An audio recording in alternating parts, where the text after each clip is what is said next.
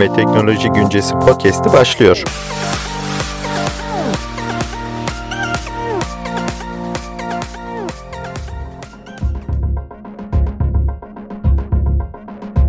Herkese Bilim Teknoloji Dergisi'nden Nilgün Özbaşaran Dede'nin Nature Communication kaynaklı çeviri haberinde koronanın anne karnındaki bebeğe de bulaşabildiğinden bahsediliyor. Anne karnı bebeğin oldukça güvende olduğu korunaklı bir ortamdır. Bebeği fiziksel olarak dış ortamdan izole ettiği gibi bakteriler, virüsler ve benzeri biyolojik ajanlara karşı da bariyer işlevi görerek korur. Ancak bu bariyeri aşan virüslerde yok değil. Sitomegalovirüs, herpes virüs, kızamıkçık etkeni, rubella virüsü buna örnek olarak gösterilebilir. Peki koronavirüsler de anne karnındaki bebeğe ulaşabiliyor mu? Yeni doğanlarda koronavirüs bulaşının plasentadan mı yoksa dış ortamdan mı kaynaklandığı konusu tartışmalıydı. Ancak 23 yaşında PCR pozitif bir anne adayının karnındaki bebekte kalp ritminde anormallikler fark edilmişti. Doktorlar sezeryan doğum eyleminde amniyotik keseyi açmadan önce amniyotik sıvı ve plasentadan örnekler aldıkları gibi doğumdan hemen sonra bebekten kandan numune, burun ve anüs bölgesinden de sürüntüler almışlardı. Araştırmacılar eğer virüs amniyotik sıvı zarı yırtılmasından önce tespit edilebiliyorsa ya da doğumdan hemen sonra alınan kan örneğinde virüs varsa bulaşma mutlaka anne karnında olmuştur diyorlar. Annenin şikayetlerinin başladığı tarihe göre virüsün hamileliğin son haftasında bulaştığı tespit edilmiş. Virüsün tutunmasını sağlayan AC reseptörleri anne karnındaki bebeğin dokularında hamileliğin sonlarına doğru daha da artarak en yüksek yoğunluk seviyesine ulaşır. Konunun araştırmacıları bu dönemde SARS-CoV-2 enfeksiyonuna yakalanma yatkınlığının artabileceğini belirtiyorlar doğum öncesi korona enfeksiyonunun bebeklerde de çeşitli olumsuzluklara yol açabildiği, mesela doğum eylemi sırasında solunum ve dolaşım sorunlarının ortaya çıkabildiği söz konusu ediliyor. Sıra Bilim ve Gelecek dergisinin internet sitesinden Günseli Kırgıl'ın çevre haberinde. Süpernova patlamaları ile dünyadaki biyolojik kitlesel yok oluşların bağlantılı olup olmadığı sorgulanıyor. Paleozoik zamanın alt dönemlerinden Devoniyen ve Karbonifer dönemleri arasındaki sınırda yani 359 milyon yıl önce yaşanan tür yok oluşlarında astronomik olayların etkisi Illinois Üniversitesi Astronomi bölümünde araştırma projesi olarak ele alınıyor. Konunun özellikle Özellikle Devonian karbonifer dönemlerinin sınırında ele alınıyor olma sebebinin bu dönemlere ait kayaçlardaki ultraviyole ışık altında güneş yanığı görünümü veren bitki ve mantarlara ait spor yapılarının tespit edilmesi olarak belirtiliyor. Dönemin çevresel koşullarından ozon tabakasının incelmesi bu güneş yanığı görünümüne sebep olarak gösteriliyor. Araştırma projesini yürüten Profesör Brian Fields, büyük ölçekli volkanik patlamalar ve küresel ısınma gibi yerküre kaynaklı felaketler ozon tabakasının tahrip olmasına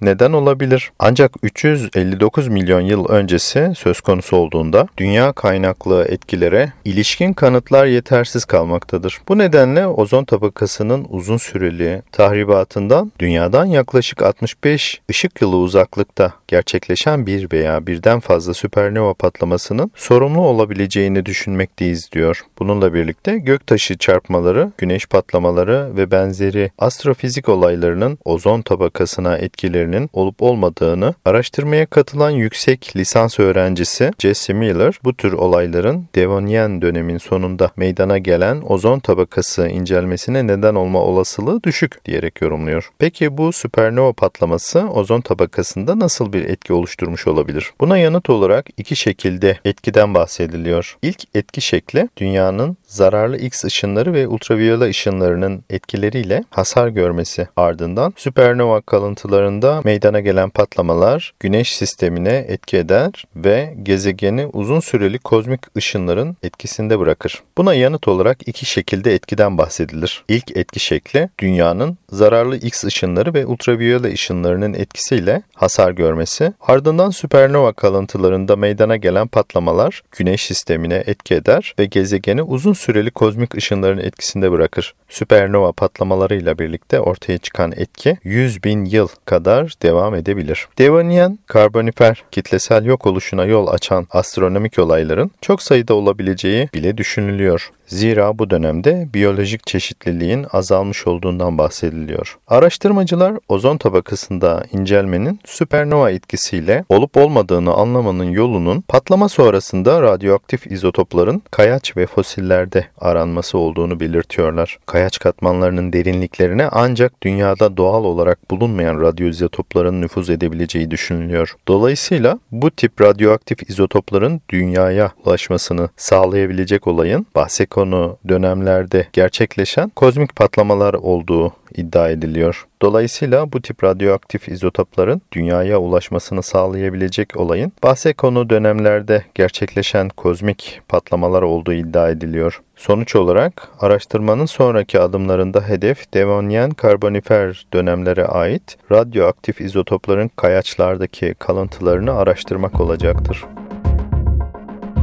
Sırada TÜBİTAK Bilim ve Teknik dergisinden geç saatte peynir yemek kabus görmeye neden olur mu sorusu. Bazı yiyecekleri geç saatlerde tükettiğimizde kabuslar görerek uyanacağımız korkusu büyüklerimiz tarafından bilinçaltımıza özenle yerleştirilmiştir. Birazdan ayrıntılarını paylaşacağım yazıya göre kabus görmelere yol açan yiyeceklerden biri de peynirmiş. Ama ülkemizde bu yönde bir inanış var mı yok mu onu bilemiyorum. İngilizlerde böyle bir inanış varmış. İngiliz Peynirciler Odası'nın 2005 yılında yaptırmış olduğu bir araştırmada 100 kadın ve 100 erkekten oluşan 200 kişilik bir denek grubu her akşam uykudan yaklaşık yarım saat önce 20 gram peynir tüketmişler. Araştırmada 6 çeşit peynir kullanılmış. Bu süreçte de uyku kaliteleri ve rüyaları ile ilgili raporlama yapmaları istenmiş. Bir haftalık deneyin sonunda katılımcılardan ancak %67'sinin rüyalarını hatırladığı, hiçbirinin de kabus görmemiş oldukları raporlanmış. Araştırmaya katılan kadınların %85'i bir Roquefort peynir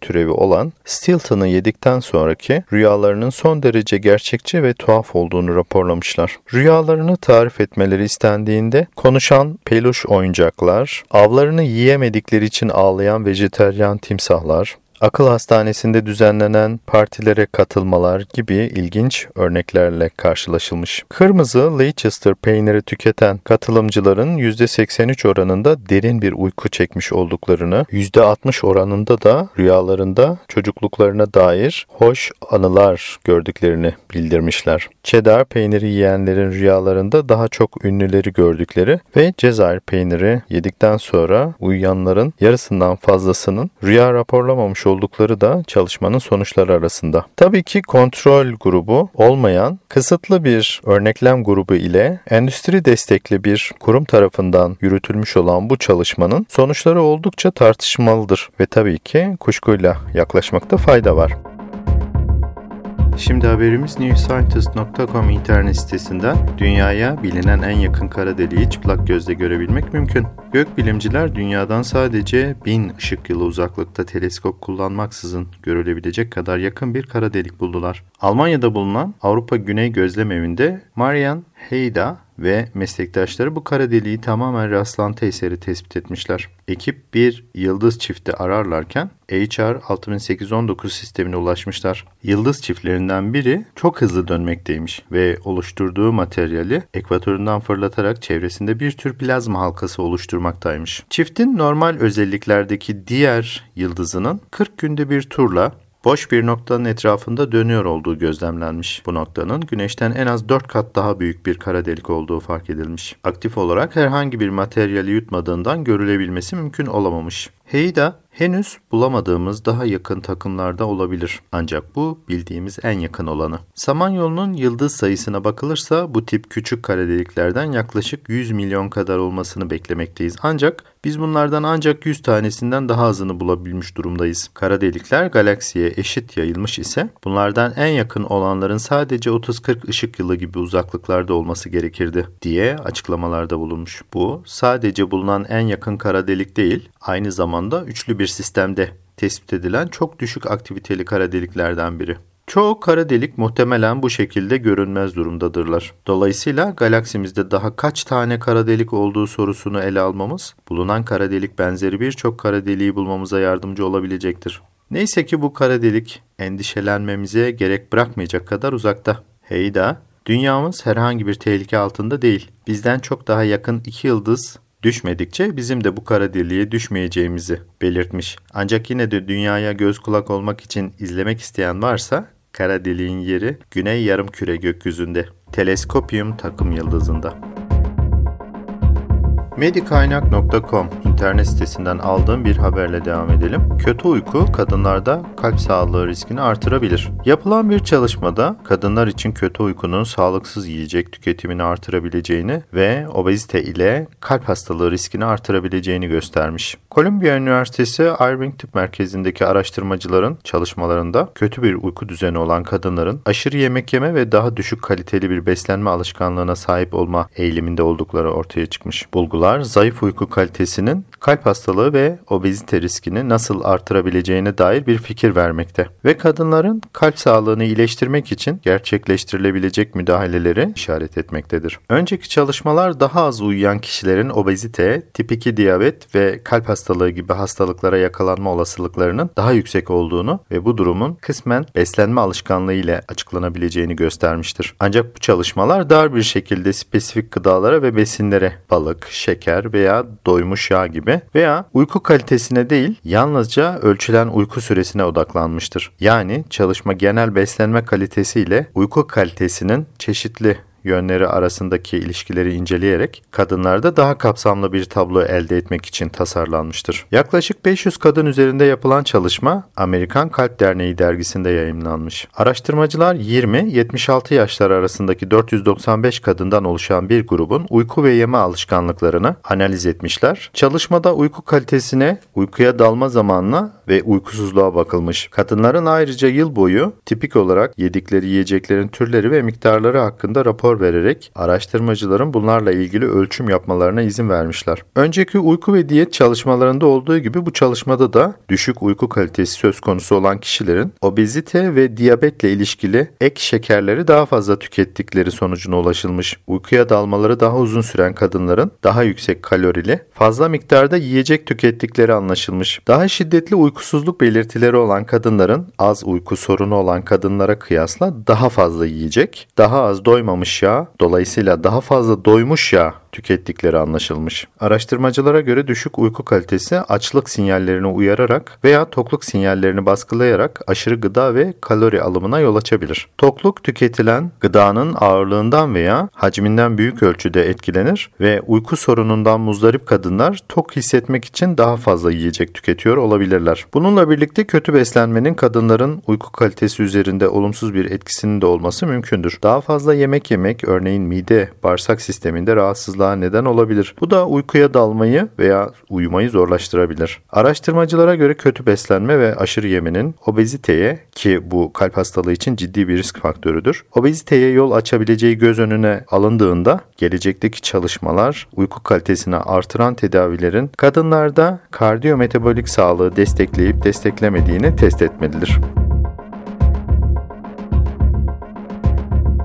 Şimdi son günlerin en ilgi çekici konularından birisi LIGO konusundan bahsedelim. LIGO, Laser Interferometer Gravitational Observatory kelimelerinin kısaltılmasıyla elde edilmiş bir kavramdır. LIGO, kütle çekim dalgaları olgusunu ilk defa ispatlayan deney olarak da ifade edilebilir. Aslında bir nevi kütle çekim teleskobu olarak da adlandırılabilir. Kütle çekim dalgaları Einstein'ın genel görelilik kuramından hareketle daha öncelerden varlığı tahmin edilen olgulardandı. Peki LIGO niçin bir anda dikkatleri üzerine topladı? Bugünden 1.3 milyar yıl önce 36 ve 29 güneş kütlelik iki kara delik birleşerek ışık hızında ilerleyen kütle çekim dalgaları oluşturmuşlardı. Genel görelilik teorisine göre ikili kara delik sistemleri gibi sistemlerde uzay zaman dokusunda dalgalandırma oluşturabilecek olağanüstü bir enerji ortaya çıkar. Bu enerji evrendeki bütün yıldızların yaydığı ışımanın 50 katı kadar ışıma ortaya çıkarır ve bu enerji de kütle çekim dalgaları olarak yayılır. 1.3 milyar yıl önce 36 ve 29 güneş kütlelik iki kara delik birleştiğinde çok güçlü kütle çekim dalgaları ortaya çıkmış olduğu söz konusu ediliyor. LIGO 2015 yılında bu dalgaları saptamış. LIGO ile yapılan gözlemlerin ardından bu dalgaların uzaydan Gözlenmelerini sağlamak için LISA misyonunun 2030 yılında devreye alınması planlanıyor. Zira kütle çekim dalgaları ışıma ile gözlem yapılması mümkün olmayan oluşumların çekim dalgaları ile izlenmesini mümkün hale getirmektedir. Bu arada kara deliklerin çarpışmasıyla açığa çıkan enerjinin dünyadan gravitasyonel dalgalar olarak izlenmesi fikri yerleşmişken son zamanlarda bu olayın ışık şeklinde de gözlenebileceği yönünde bulgulardan bahsedilmeye başlandı. Bilim insanları kara delikler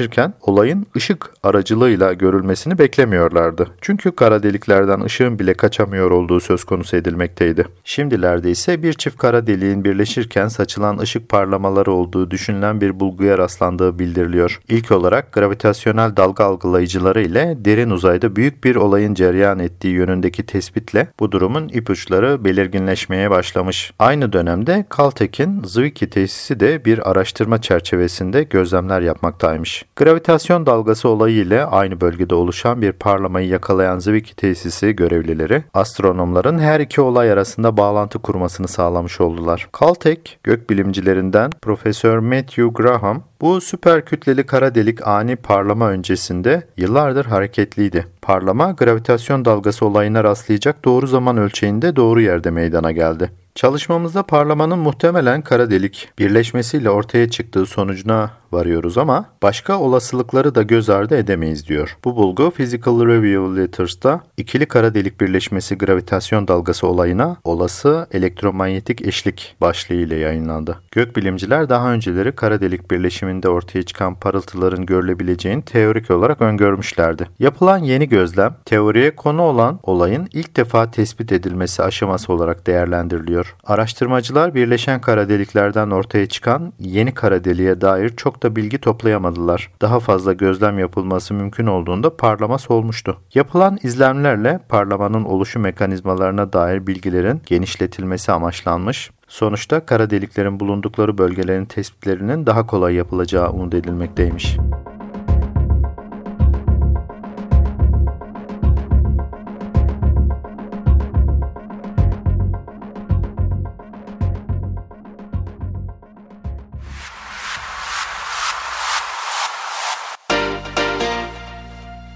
Bilim ve Teknoloji Güncesi podcast'ini iTunes, Spotify ve Google Podcast üzerinden dinleyebilirsiniz.